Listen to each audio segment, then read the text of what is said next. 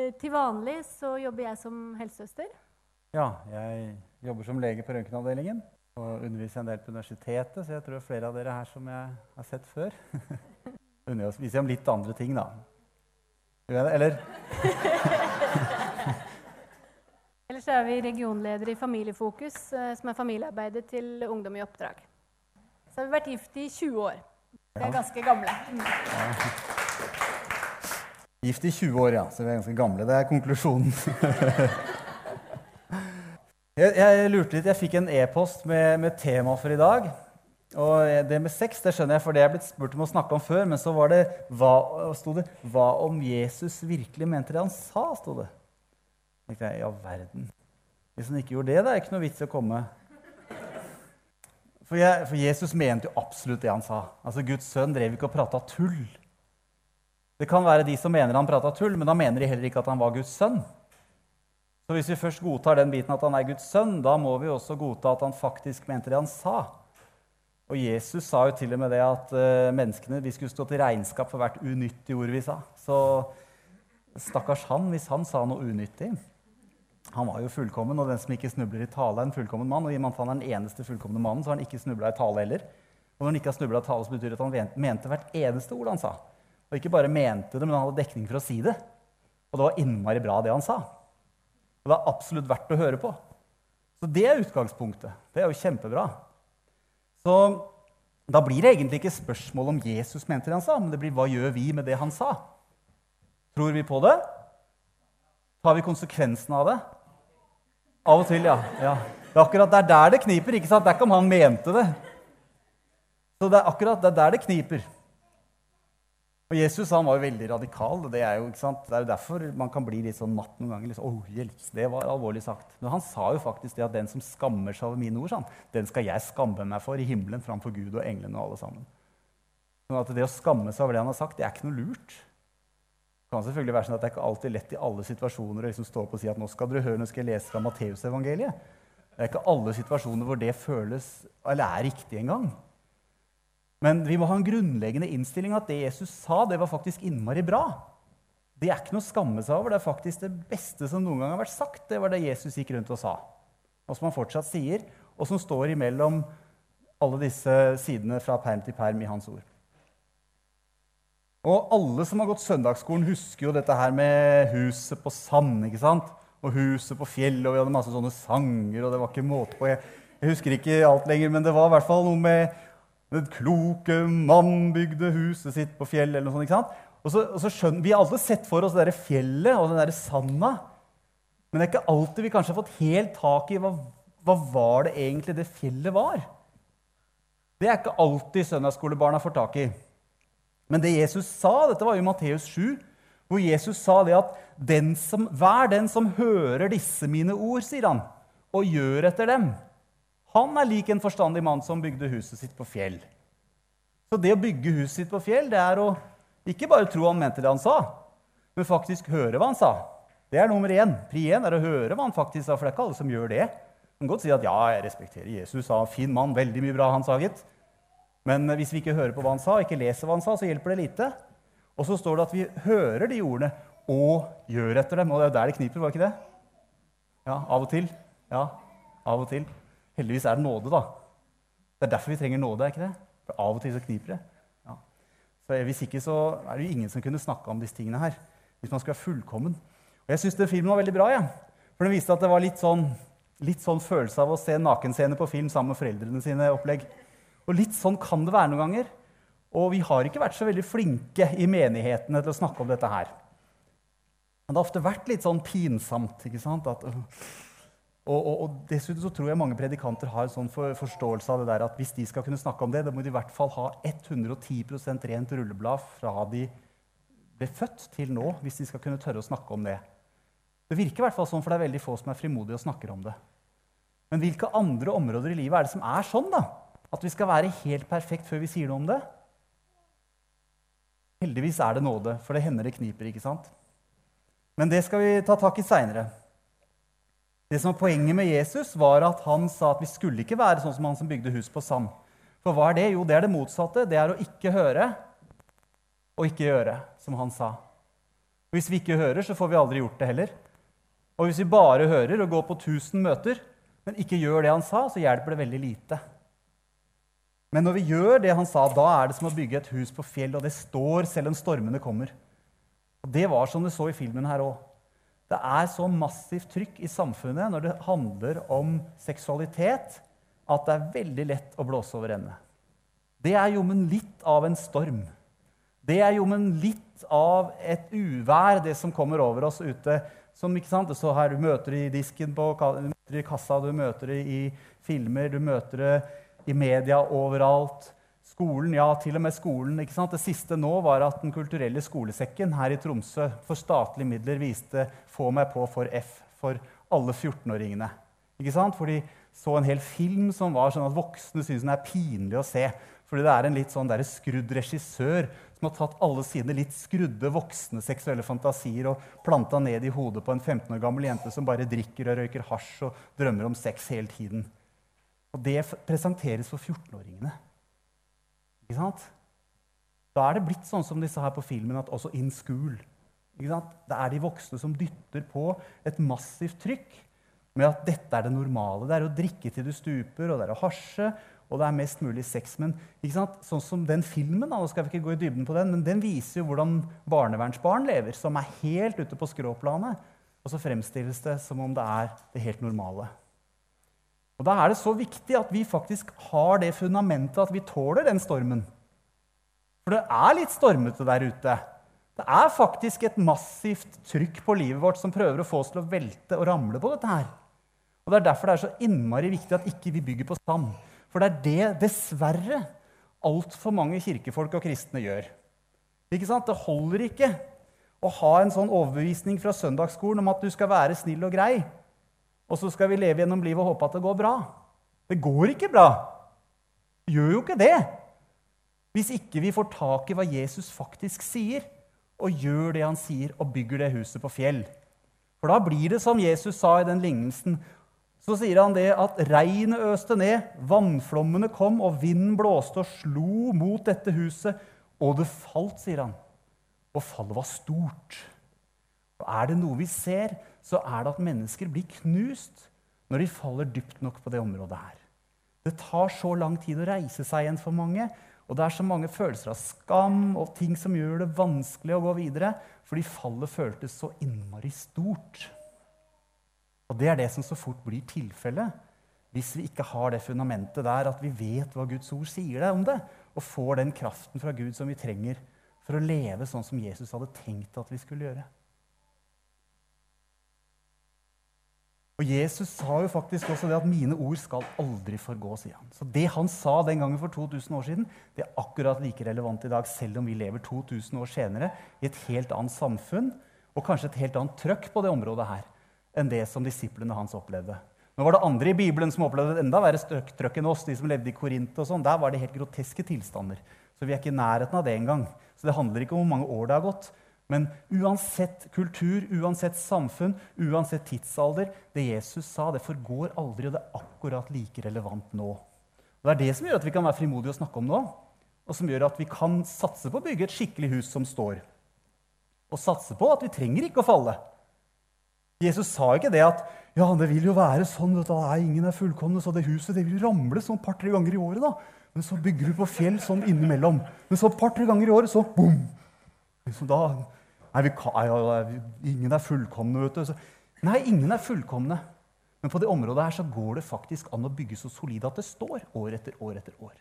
Jeg snakker ikke om å være syndfri på alle områder. Jeg snakker om å ikke, ikke, ikke få en uren tanke. Men jeg snakker om det som Luther sa, at du kan ikke hindre en fugl å fly over huet på deg. Men du kan godt hindre at den bygger rede der. Og Det er et visdomsord fra Luther. Ikke sant? For at rede det er en form for hus. Men det er ikke sånn som står. Det er sånn som bare ødelegger. Det er ikke så veldig fint heller å gå med sånne kråkereir oppi her. Men Jesus, han sa det. En ting som er veldig interessant, Mens vi snakker om det der med å tro hva Jesus sa, og, og tro at han virkelig mente det han sa, videre, Han hadde jo en del veldig interessante samtaler med fariseerne. Ingen av oss liker å være farisere. så vi, eh, vi ja. men, men han var veldig hard med dem. Og det han sa, var bl.a. det at Dere gransker Skriftene fordi dere tror dere har evig liv av dem, men dere vil ikke komme til meg og få liv, sier han. Og så sier han det. Veldig interessant ting som han sier i Matteus. Um, han sier i Johannes faktisk, så sier han dersom dere trodde Moses Det er Johannes 5, 46. Dersom dere trodde Moses, ville dere ha trodd meg. Han skrev jo om meg.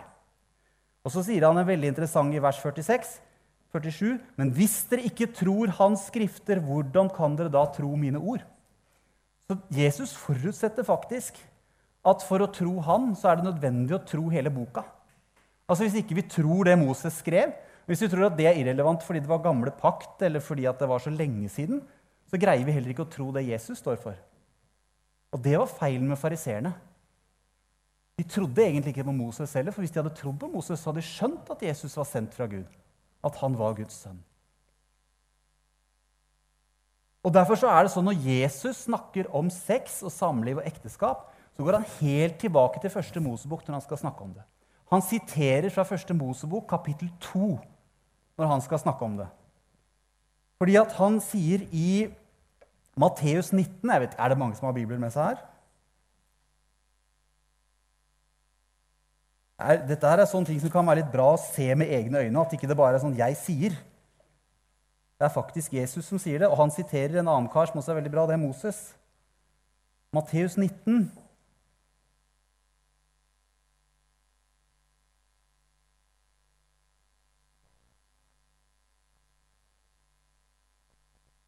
Matteus 19, vers 5. Der siterer Jesus fra 1. Mosebok 2. Han sier derfor skal mannen forlate sin far og sin mor og være knyttet til sin hustru. Og de to skal være ett kjød, står det i min oversettelse. De to skal være ett, står det i 78-oversettelsen. Ett kjød står det også i 88. Det er litt forskjellig. Men på grunnteksten så står det et sarks, eller altså en kropp, et kjøtt, en, ett kjød. Altså, de blir som én kropp. Så når Jesus skal si hva som er spesielt med ekteskapet, og som har med det seksuelle å gjøre, så går han helt tilbake til de første sidene i Bibelen, der hvor, der hvor det også står om Adam og Eva i første Mosebok 2. Så står dette i vers 24.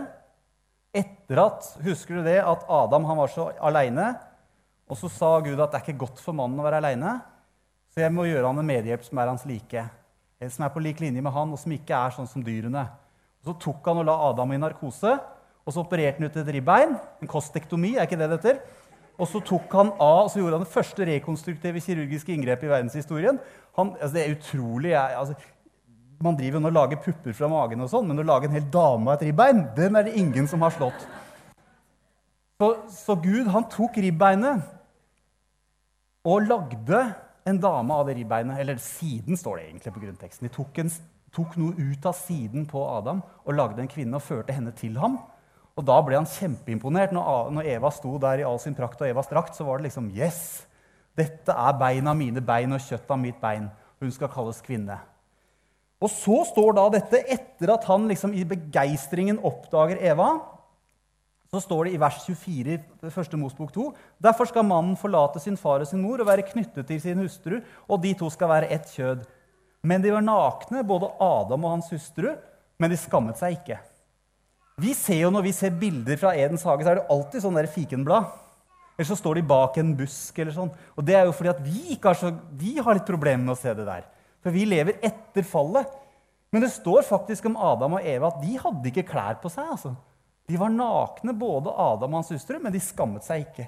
Så for dem så var det å være nakne enda de var mann og dame. Da var de gift. De var skapt som ektepar. Det er litt kult. Det er det eneste som liksom er skapt som ektepar. Aldri vært barn. ikke sant?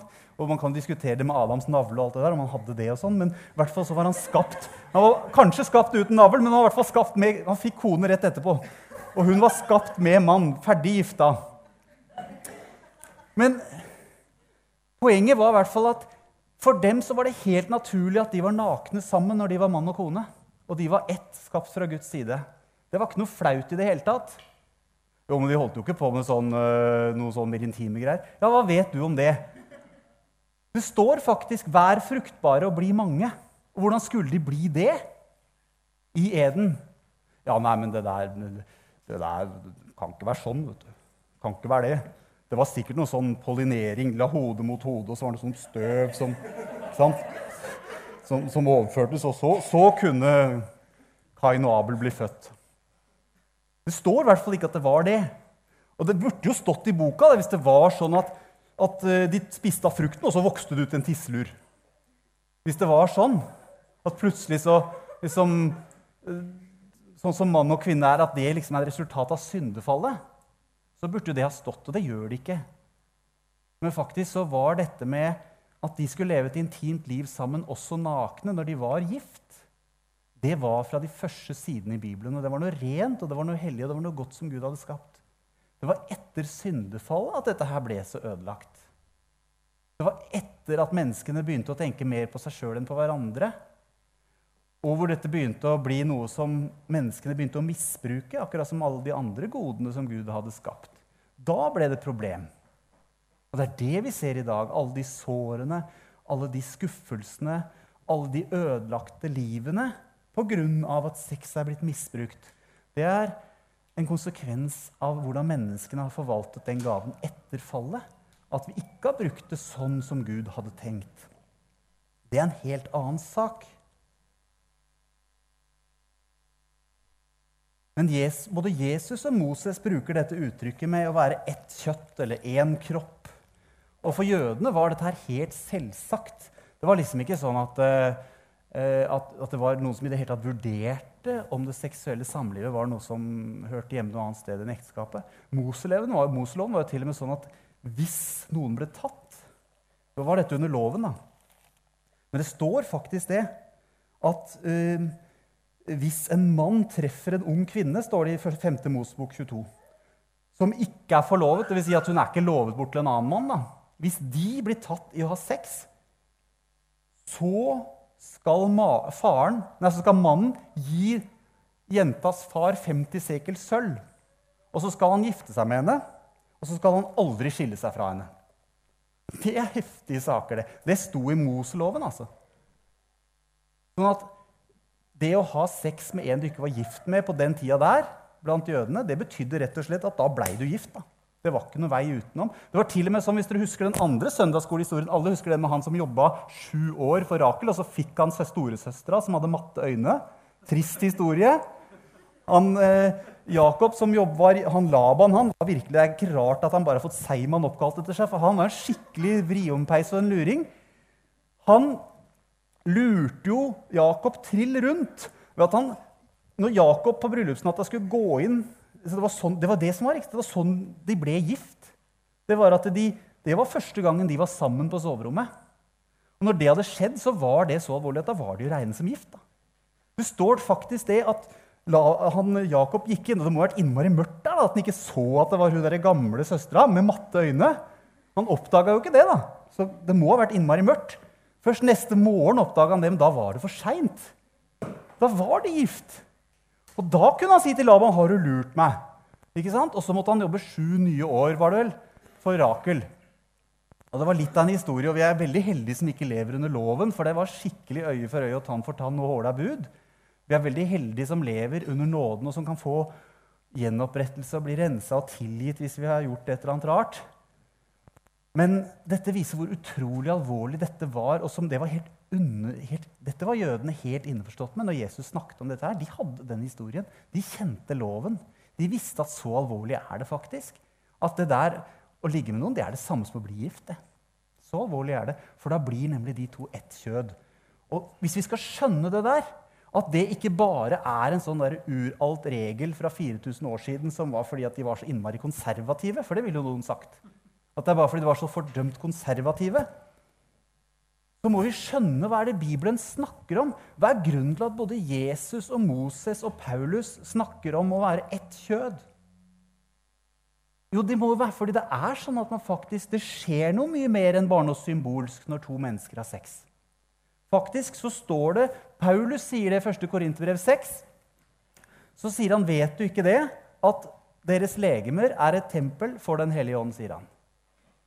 Og så sier han det at vet du ikke at hvis du holder deg til en skjøge eller en prostituert Nå var det ekstra aktuelt i Korint, for der var det tempelprostitusjon bl.a. Det var faktisk I den hedenske religionen der så var det en, de dyrket seksuell urenhet, og det var prostituerte i avgudstemplene og sånne ting. Så det var veldig aktuelt at Paulus valgte prostituerte som eksempel. Men han valgte det som et eksempel at han sier det at I, i 1. Korinterbrev 6 så sier han at vet du ikke det at hvis du, hvis du ligger med en prostituert, så blir du ett legeme med henne. Og hva betyr det? Jo, det betyr at det er faktisk ingen fysisk begrensning mellom de to personene lenger. Altså, Bibelen underviser at vi er ånd, sjel og kropp. Vi er ikke bare kropper. Altså, det hadde jo, hadde vært akkurat som dyrene hvis, det, hvis vi bare liksom var organismen. Jeg tror kanskje dyrene også er litt mer enn bare kropp. For de er skapt av Gud, de også. Men vi er skapt i Guds bilde som ånd, sjel og kropp. Og Bibelen sier at det som skjer, og som Gud har tenkt at skal være en gave når man er gift, at man nettopp smelter sammen så dypt at man treffer hverandre på det dypeste plan som mann og kvinne kan møte hverandre, det er ikke bare noe symbolsk, men det er faktisk sånn at de fysiske grensene opphører mellom to personer. Og det betyr at ånd og sjel kan møte hverandre. At det er et fellesskap som er så dypt som du ikke kan få mellom to mennesker på andre måter. Nettopp derfor er det så bra innenfor de rette rammene, og nettopp derfor er det så farlig utenfor de rammene. Så Paulus sier at når du da blir én kropp med den prostituerte, så vil alt det som er i din sjel og ditt åndsliv, det møter det som er inni henne. Og da skjer det en utveksling av godt og vondt, og kanskje i dette tilfellet aller mest vondt. Det som var tenkt å være noe som skulle skape enhet i ekteskapet, og som skulle gjøre at man ble ett åndelig og sjelelig i tillegg til det fysiske, det betyr at du da blir bundet til den prostituerte eller en annen person veldig veldig mye sterkere enn det som er meningen at du skal bli. Og Det er også grunnen til at det er så innmari vanskelig å bryte opp i et forhold igjen når man først har gått så langt. Det er som en sånn teip ikke sant? hvor du limer to teiper mot hverandre. Det er fryktelig smertefullt å dra det fra hverandre igjen. Og Hvis du da går inn i et nytt forhold, så limes du sammen med den personen også, og så er det forferdelig smertefullt å dra det fra hverandre igjen. Problemet er jo med forhold som med teip at har det gått mange nok ganger, så er det nesten ikke lim igjen. ikke sant? Og så blir det bare sånn Så er ikke den funksjonen som skulle være der lenger.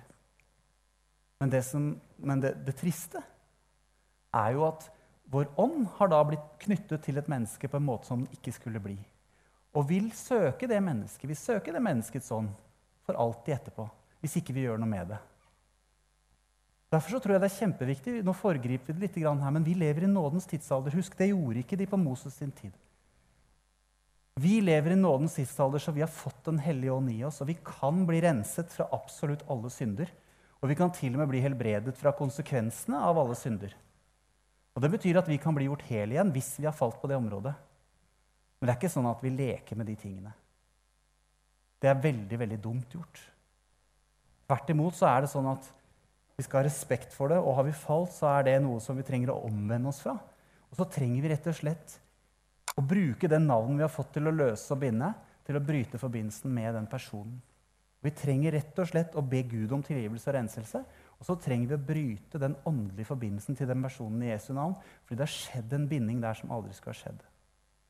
Du blir mer og mer rastløs jo flere partnere du har hatt, fordi at ditt indre menneske har hatt en enhet med en person som du ikke får møte igjen, og hvor det er et savn i ditt indre menneske etter å møte den personen igjen. Og hele tiden er på utkikk sånn. Ditt indre menneske søker etter å komme i kontakt med den personen igjen, selv om du har gått og lagt det forholdet bak deg. Og Da er det når vi kan be om tilgivelse og renselse, og vi bryter den forbindelsen, så kan vi bli gjenoppretta, og vi kan få starte på nytt. Og Det er det fantastiske nyheten under en ny pakt. At vi kan begynne på nytt. Og at vi kan starte helt på nytt. Men det er ikke sånn at vi, sånn som Paulus sier, skal vi da bare synde, da, så nåden kan bli enda større. Det er ikke så farlig. Det er jo nåde, ikke sant? Det er et retorisk spørsmål. Det er, Svaret er selvfølgelig slett ikke, sier Paulus. Sånn er det ikke. Det er bare en fantastisk løsning når vi har tryna hvis vi har gjort noe gærent. Veldig mange som har hatt mange partnere før de går inn i, selv om de går inn i et langt forhold, også blant folk som ikke er kristne, at en av de tingene som gjør at det er vanskelig å holde ut mange år i samme forhold, er at man er så fragmentert innvendig. Man har bindinger til flere mennesker enn den ene personen. Nå tror jeg at man kan dekke Hvis det er sånn at man har hatt et forhold til noen, så tror jeg også vi kan be for den personen. At vi kan være med å bryte og løse ting i Jesu navn der òg, sånn at den personen kan bli fri fra oss. Det tror jeg. Altså, vi skal ikke undervurdere den autoriteten vi har i navnet Jesus til å gjøre både det ene og det andre. Poenget er at vi må ikke bare si at det er ikke så farlig. Dette her er for 4000 år siden. Vi går videre, liksom. For da skjer det jo ingenting. Da bor vi i et hus på sand. Da er det vaklende grunn under føttene på oss, og da må vi ta med oss konsekvensene av det som Bibelen sier er seksuell synd. Og Det er derfor Paulus også sier det at vi blir ofte anklaget vi kristne for at vi er så sexfiksert, at det er verre enn andre synder. Ikke verre enn andre syndere, men Paulus svarer veldig tydelig på det. Han sier det at alle andre syndere er utenfor kroppen, sier han. Men den som synder seksuelt, synder mot sitt eget legeme. Og Det handler nettopp om det at det går så dypt.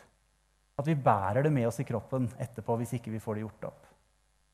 Og Nettopp dette med at vi er Guds tempel, det er et tema som går igjen når Paulus snakker om disse tingene. Vi kan ikke ta Kristi lemmer sier han, og gjøre til en skjøges lemmer. Vi kan ikke ta kroppen vår og låne ut den. Det er, det er jo Guds tempel. Vi kan ikke låne ut Guds tempel til en skjøge. Liksom. Det er jo helt sprøtt. Og det, all den undervisningen som står i Nye Testamentet om at vår kropp er et tempel, det er, faktisk, det er veldig spennende hvis vi tenker på alt det som sto i Gamle Testamentet om tempelet. Alle de forskriftene og ordningene som var der. Det er lett å tenke Hvorfor i all verden var ting så innmari kronglete under den gamle pakt? Hvorfor var det så innmari mye greier? Vi skjønner jo ikke bæren ved det som alle disse skuebrødene og kobberkarene og føttene og delfinskinnene og tabernakelet og tempelet. Hva var alt dette her? Men Det står en veldig interessant ting i 1. Korinterbrev 10. og Der står det at alt dette skjedde som forbilde for oss, som de siste tider er kommet til. står det. Sånn at alt det som skjedde den gangen, har på en måte en parallell i den nye pakt. Altså, De fysiske tingene som skjedde i den gamle pakten, det har åndelige paralleller under den nye pakt. Og nettopp det at det var så forferdelig nøye med tempelet At det var sånn at det var, ikke sant, Du hadde det ytre forgården, og så hadde du det hellige, og så hadde du det aller helligste, hvor det var så hellig at bare ypperstepresten kunne gå inn én en eneste gang i året.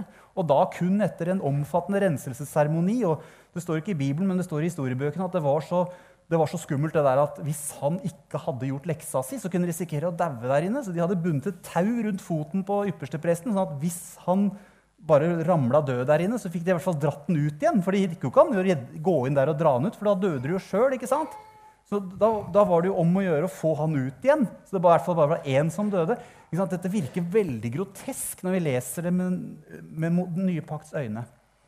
Men faktisk så er det en veldig sterk åndelig sannhet om hva som er tilfellet med oss som er Guds tempel i dag.